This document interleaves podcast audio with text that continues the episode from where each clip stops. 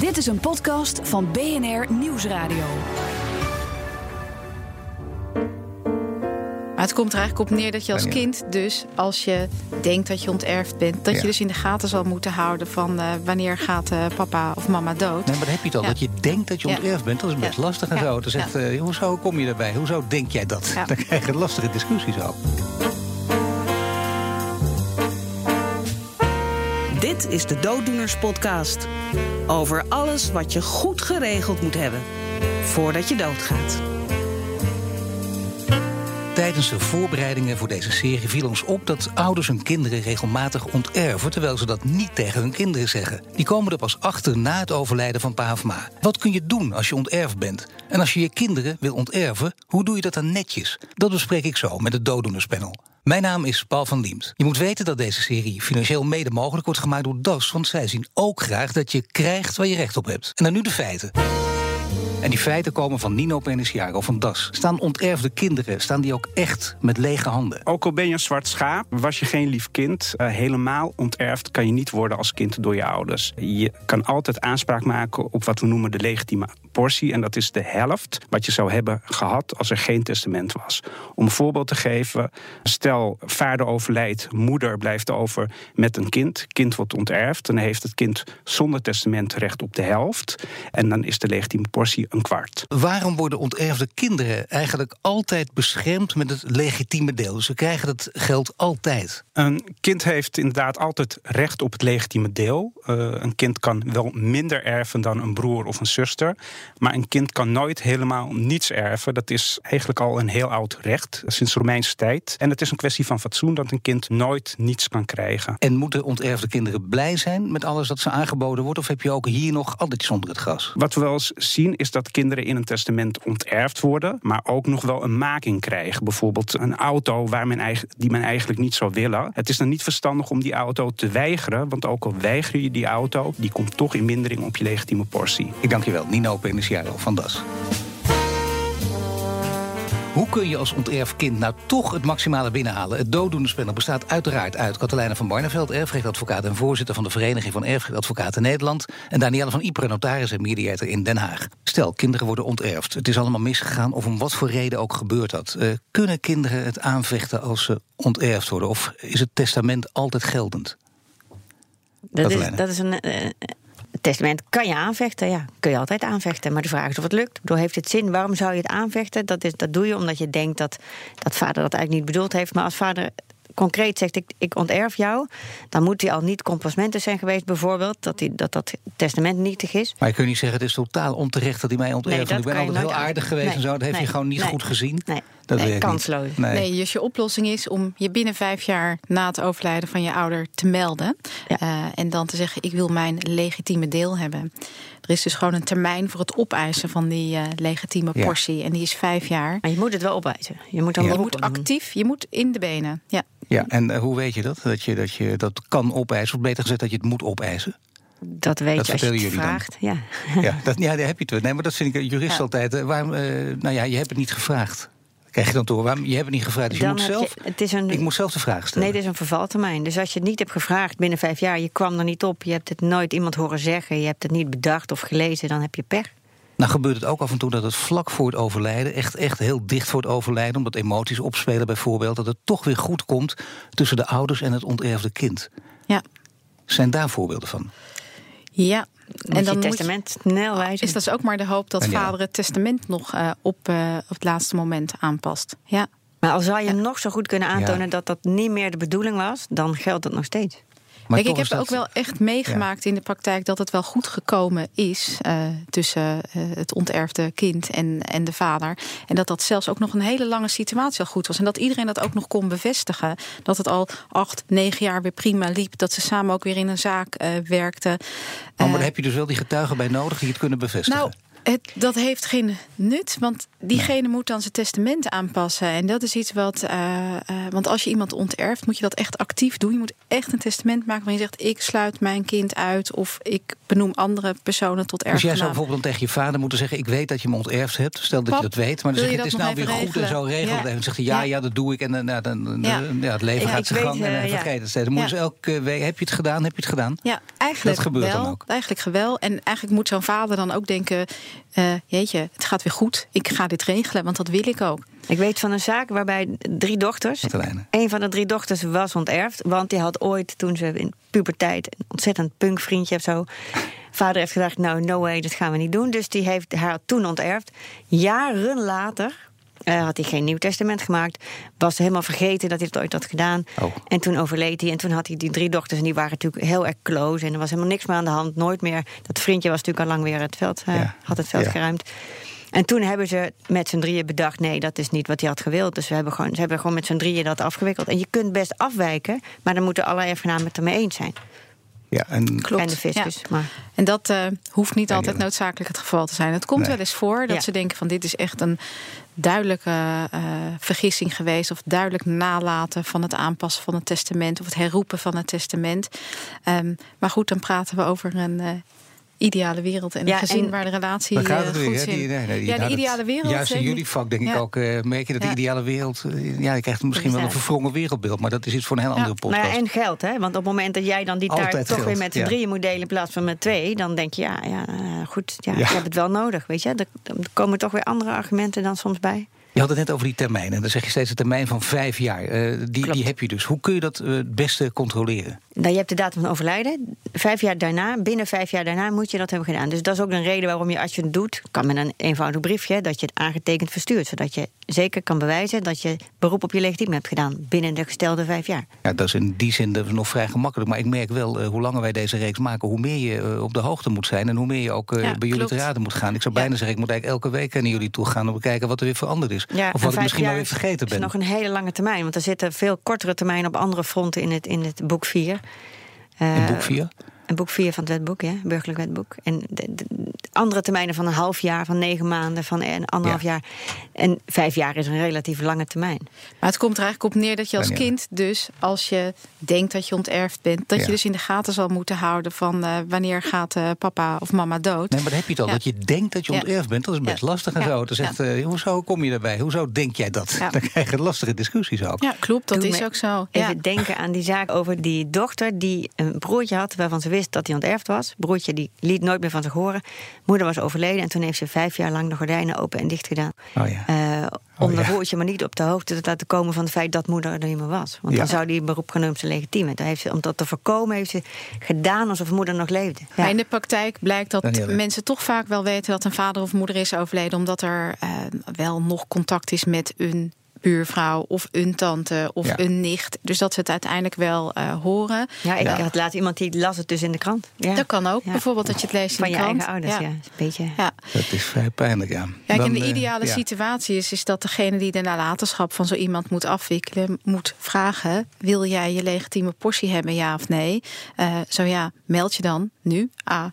UB. Mag je dat eh, vragen als notaris? Dat was toch een Als issue? notaris mag je dat niet doen, maar eh, dus als, eh, zeg maar als je een broer of zus bent van diegene, dan doe je er gewoon verstandig aan om die vraag wel te stellen aan diegene die onterfd is. Want anders hangt het als een soort zwaard van Damocles vijf jaar lang boven je hoofd. Stel dat je de hele nalatenschap al hebt verdeeld en uitgegeven hebt aan een vakantie in Thailand. Eh, eh, Waar haal je die centen dan nog vandaan als broer?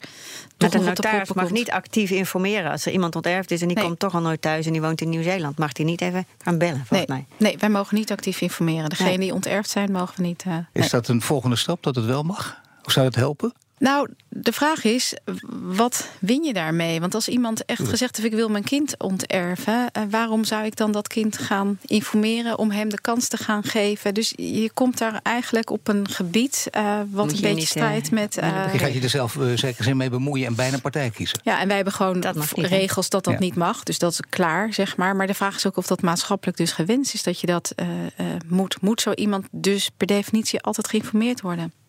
Wat is de kern van het conflict als het gaat over de erfgenamen en het zwarte schaap? Want zo wordt uh, de onterfde meestal genoemd, het onterfde kind, het zwarte schaap. Wat is de kern van het conflict? Waar merken jullie in je eigen praktijk, waar merken jullie het meest over, waar het meest over gaat? Nou, over uh, dat degene recht heeft op geld, hè, puur en alleen op geld. Dus geen, geen spullen meer, maar alleen maar geld.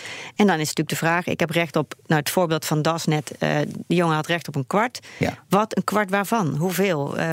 en dan heeft hij dus recht op al die informatie ter berekening van dat kwart. En dan weet je pas hoeveel een kwart is. En daar, daar moet alles op tafel komen. Terwijl diegene misschien heel lang niet meer thuis kwam of ruzie had. En dan.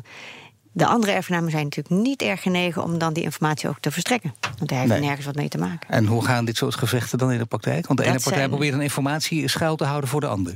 Ja, die moet boven water komen, maar dat wordt, gaat niet vanzelf. Dus dan ga je er vaak over kort gedingen of je gaat een ander soort procedure over voeren. Maar die informatieverstrekking is heel vaak de bottleneck. En dat kan, ja, die informatieverstrekking, daar gaat het over. Omdat je vermoedt dat de andere partij is achterhoudt. Maar ja, dat is lastig nou ja, ook. Als de schenkingen zijn gedaan, dan komen we bij de schenking uit. Als de schenkingen zijn gedaan aan dat andere kind dat wel erfgenaam is bijvoorbeeld. Dat moet dan worden opgeteld bij de legitieme. Soms is er bijvoorbeeld bijna niks meer over. En dan, dan heeft de erfgenaam zogenaamd ook niks. Maar dan heeft hij al heel veel bij leven gehad. En dan stelt jouw legitieme niks voor. Terwijl er heel veel schenkingen zijn gedaan aan het andere kind. Ja. Dat moet je toch weten. En dus heb je recht op al die bankafschriften waar dat uit blijkt dat al die schenkingen zijn gedaan. Dus dan heb je daar absoluut En voordat bij. je al die informatie uh, tot je hebt gekregen, al dan niet via kort gedingen, uh, hoe lang kan dat duren? Ja, heel lang, waarschijnlijk. Heel lang. Ja. Dus ook hier maar heel lang eigenlijk... kan jaren duren dus? Dat kan best jaren Zo. duren. Dit is echt een Oh. kat-en-muisspelletje. Ja. Er worden er drie informatieonderdelen verstrekt en het vierde dan weer niet. Kan je nog procederen. En de vraag is wat erbij gewonnen wordt ook door ehm, de kinderen die eh, wel geërfd hebben. Hè? Want wat winnen ze erbij om zo'n procedure, om zulke soort zaken enorm lang door te Nou ja, een laten? andere partij afmatten natuurlijk. Nee, en dat je- dat je net niet. Nou, om even een voorbeeld te noemen. Ik heb, ik heb een zaak waarbij broer en zus. En toen ze nog jonger waren, kregen ze allebei schenkingen. Evenveel. Maar die schenkingen zijn nu meer- niet meer te traceren, want die bankafschriften die er nog zijn, die gaan niet zo ver terug. De bank bewaart maar tien jaar. Maar die broer had absoluut ook schenkingen gehad. Alleen niet meer traceerbaar. Hij is onterfd, hij heeft recht op zijn legitieme. En alles wat hij dus had gehad aan schenkingen, heeft gehad aan schenkingen, dat moet van zijn legitieme worden afgetrokken. Dus die zus had Oh ja. belang bij die informatie over die schenkingen van Ja, lang geleden. En hij ontkende gewoon. En dan heb je bijvoorbeeld, ik had twee bankafschriften waar dan nog wel afschriften, eh, schenkingen op stonden. Daar moet je dan mee gaan zwaaien. Dus dan doe je dat in de vorm van een getuige voor bijvoorbeeld. Om- Maar ja, dan heb je dus toch ook het bewijs in handen. Dan kan hij wel ontkennen, maar dan zeg je ja, je ontkent, maar kijk eens even. Ja, dat was dan je- een foutje. Ja, die was hij dan even vergeten. Maar dan heb je nog niet al die andere jaarlijkse Oh, ja. schenkingen die hij ook heeft gehad boven water. Dus je probeert hem dan met een getuige voor een beetje erin te luizen. Dat is wat je probeert, omdat je jouw cliënt er belang bij heeft dat die, al die schenkingen boven water En ben je daar goed in om iemand in te luisteren? Uiteraard. Ja, nou ja, goed, ik wil toch even checken of je dat hoort ook bij je vak Als natuurlijk. het nodig is, ja. Ja. ja. Wat zijn de mogelijkheden als je onterfd bent? Dan gaat het om, om eh, taxatie, om, eh, om beslag leggen. Zijn dat allemaal serieus te nemen mogelijkheden? En, en hoe gaat het dan? Ja, want je knikt ja, Katelijne. Ja, ja, helaas. Dat Maar taxatie bijvoorbeeld, hoe gaat het dan? En beslag leggen? Nou, jij hebt belang bijvoorbeeld bij eh, de waardering van de woning. En, eh, en als daar een andere waarde op de succesieaangifte staat eh, per andere datum, dan is dat niet hetzelfde als de datum per datum overlijden, of de waarde per datum overlijden. En die moet je Ah, ja. hebben. En dan heb je er soms belang bij. Het ligt aan wanneer iemand doodgaat ook. Want de WOZ kan dan niet hetzelfde zijn, bijvoorbeeld. Dat je belang hebt bij taxatie naar dat moment. Ehm, en zou Taxatie kan op alle momenten plaatsvinden. Dat kan ook op pijnlijke momenten plaatsvinden. Dat gebeurt ook op pijnlijke momenten. Zeker, ja. En wat, wat zijn pijnlijke momenten? Ik weet niet wat jij met pijnlijke momenten bedoelt. nou, ik denk Dood als iemand begraven wordt of gecremeerd wordt. Hmm, Ja, dat is inderdaad. Dat was geen taxatie. Ik denk dat jij doelt op die, eh, op die casus waarbij eh, iemand onterfd was en die had ehm, eh, belang bij eh, eh, vaststelling van wat er was in de woning van vader. Omdat dat is wat je moet optellen, de waarde daarvan. Hè, dat levert je legitiem op. Maar hij was bang dat zijn broer, die wel erfgenaam was, dat allemaal weg zou sluizen en dat niet zou noemen. En dan moet jij aantonen dat die spullen er wel waren. Dus hij vroeg mij om de deurwaarder naar het huis van vader te sturen tijdens de crematie of, of begrafenis, weet ik niet meer. om op te maken wat is er allemaal. Want dat is natuurlijk wel ook wat er gebeurt. Hè? Als je weet dat een eh, broer of een zus onterfd is, dat je gewoon op het moment van overlijden de sieraden maar gauw alvast uit het huis haalt, schilderijen van de muur eh, eh, trekt, Dat de gebeurt. papieren.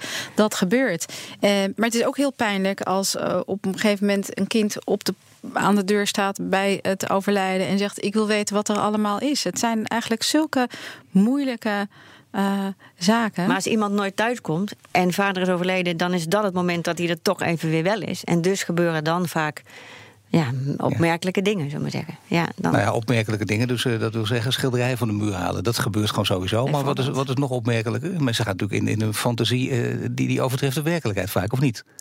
Nou, er is ook als je heel lang niet thuis geweest bent, dan weet je vaak ook eigenlijk helemaal niet wat er uh, dus nog is. Dus je hebt nog een beeld van wat er vroeger allemaal in het huis moet zijn lag geweest, dus. of moet zijn geweest. Dus vaak zijn veronderstellingen van kinderen die onterfd zijn ook een beetje gebaseerd op uh, verouderde feiten, op toen.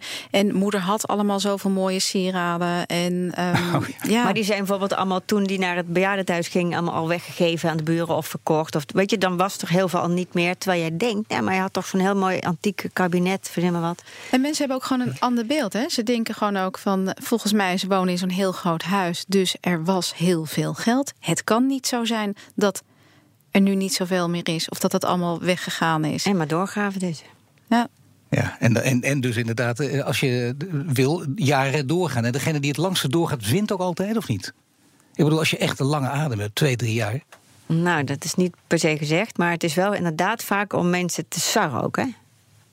Ja, te, te sarren. Ja, maar zijn er, oog, zijn er winnaars? Zijn er hier winnaars? Nou ja, winnaars zijn. Nee, maar ik bedoel nu te denken uit, uit de, laten we zeggen, ik zei net, de fantasie overtreft de werkelijkheid. Misschien dat in dit geval de werkelijkheid overtreft de fantasie. Je kijkt naar, naar spannende films, dan zie je altijd de, de, de gemeenerik in de film, die heeft altijd ja. langste adem en zo. Die haalt de filijnse trucjes Nou ja, weet je, jij vraagt, jij gaat door met procederen omdat je die informatie wil en die wordt achtergehouden, die wordt achtergehouden. Je hebt gewoon daar recht op, dus je gaat door tot je je wil die informatie, informatie omdat je uiteindelijk dus uh, follow the money. Uiteindelijk gaat het toch ja, helaas over het geld. En dan denk je, nou laat ik maar zo lang mogelijk volhouden. Ja, maar dan hebben we het nog niet over buitenlandse bankrekeningen waar je ook nog informatie over wil, die ook worden ontkend. Bijvoorbeeld, die zijn er helemaal niet, terwijl ze er echt wel zijn. Dus dan, ja, ja. Nou ja, je stuurt een, een, een detective naar de Cayman Islands. Maar je kunt, je kunt.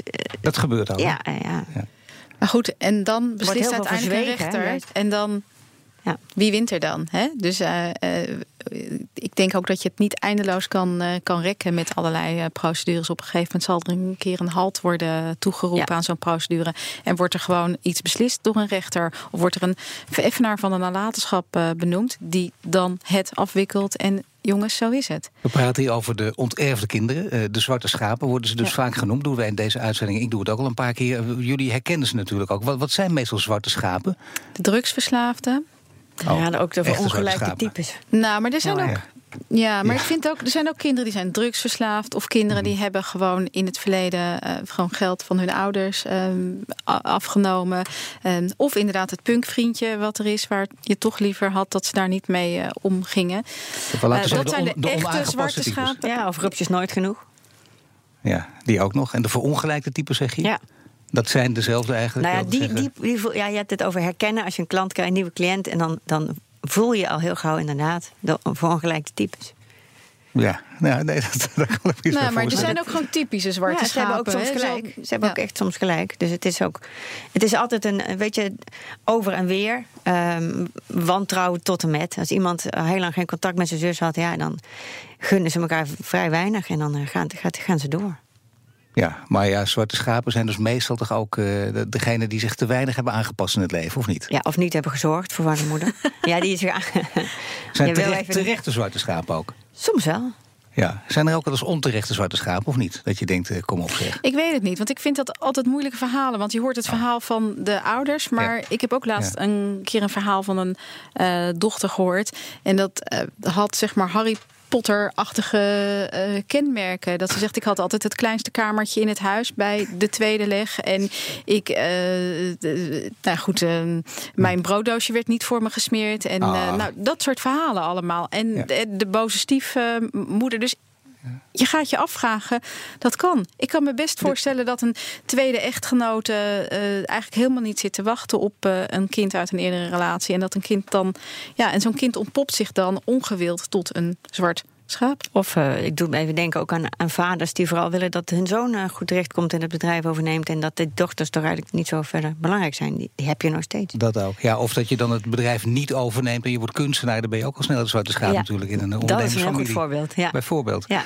En dan uh, de mogelijkheden van de erfgenamen om het, onerfde, om het onterfde kind het zo moeilijk mogelijk te maken. Hebben we wel een beetje over gehad, maar wat is echt een hele, laten we zeggen, ik mag het misschien wel truc noemen. Een, een speciale truc die hier wordt toegepast? Volgens mij moet je dan al zo wel bewust Alles- tijdens het leven alles van alles wegsluizen en Ja. wegschenken. Eh, Dat kan, niet traceerbaar. Ja, dat kun ja. Ja. Ja, dat kan ook, niet Ja, ja. traceerbaar. Nou ja, je hebt estate plannings, eh, planners en die kunnen dat heel goed. En hoe gaat dat En dan dan? blijft er niks over. En als je dat niet goed meer kunt aantonen, omdat bijvoorbeeld dat langer dan zeven jaar geleden is en de bank heeft die afschriften niet meer of wat dan ook. Jij als legitimaris zult eh, moeten bewijzen dat er meer was op het moment van overlijden of dat er meer geschonken was voor het overlijden. Jij hebt daar de bewijslast. Dus als dat zodanig is opgelost dat je het niet meer kunt aantonen. Dus of het liefst met zoveel mogelijk, bereik- zoveel mogelijk cash eh, weggeven, bijvoorbeeld. Ja, maar ook Ja. gewoon eh, inderdaad Ja, ja. andere dingen doen. Ja. Inderdaad, schenken, zeg maar eh, cash schenken of eh notas En dan wat we van, eh, of, van eh, Nino van Das hoorden. Het ja. voorbeeld van, de, van je, je, je erft, je bent onterfd, maar je krijgt toch iets, namelijk een krakkemikkige auto. Ja, ja, een auto die je niet doet. Ja. Waar- Waar Ja. je van denkt, alsjeblieft, die wil het niet hebben, wat dan? Het huisje op in, in Timbuktu, ja. Ja, Ja. ja, nee, dat- Ja. ja, goed. Oké, maar mag je dat weigeren of moet je dat aannemen? Dat hangt er vanaf of het eh, inferieur is of niet, heet dat. Ja, dat is even juridisch dan ingewikkeld. Maar in principe moet je het afhankelijk van wat het is aannemen. Dus je kan een kind ook gewoon allerlei... eh, inderdaad, het, eh, het brakke vakantiehuisje of Ja. de caravan in ehm ja, En als, je, en als je het weigert, gaat de waarde af van wat je als legitimaar zou krijgen. Oh, dat dus wel. Ja, zie je, Ja. want dat is dan het addertje onder het Ja. gras natuurlijk. Dat dat Ja. ook gebeurt. Dus je Ja, weigert en je denkt, dat ja, tuurlijk doe dat niet. Ja, dat, wat niemand wil. Nee. Maar als je het, als je als je het negeert als je, en je wil het niet, dan hou je niks over. Ja. Dan krijg je dus niks. Ik zou het wel willen, maar dat is een andere vraag natuurlijk. Ja, ja. Huis op een boek toe, best leuk. Ja. Oké. Het Veel onderhoudskosten hoor. Had een eh, ik. Ja, nee, dat is waar.